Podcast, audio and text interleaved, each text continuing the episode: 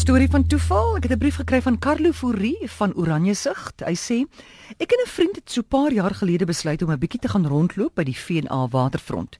My selfoon se battery was pap en ek laat toe die foon by die huis om te laai. Nadat ons so gestap het by die waterfront, besluit ons om terug te keer huis toe. Halfpad op pad na my motor sê ek vir my vriend: "Man, ek is nie lus om na huis toe te gaan nie. Kom ons gaan eet iets daar by daai restaurant daar bo in die hoek." Waar ons nog nooit was nie. Later blyk dit Primi Piatti te wees. Ons draai toe om en stap daarheen. Toe ons instap, staan my dogter Anja op by een van die tafels en vra: oh, "Het pappa toe my boodskap gekry?" Ek was verras en totaal uit die veld geslaan. "Nee," sê ek toe, "wat 'n boodskap? En wat maak jy hier?"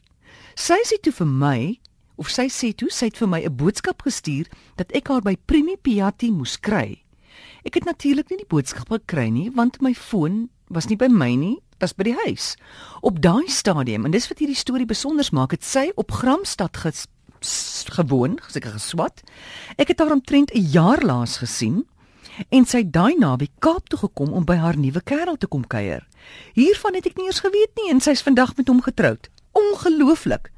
Wat het my laat omdraai? En na daai spesifieke restaurant gaan. Spesifiek daai een, een van die duisende in die Kaap en ek was nog nooit daar nie. Toevallig? Nee. Toevallig. Want dit beklemtoon die besonderse koneksie tussen pa en dogter.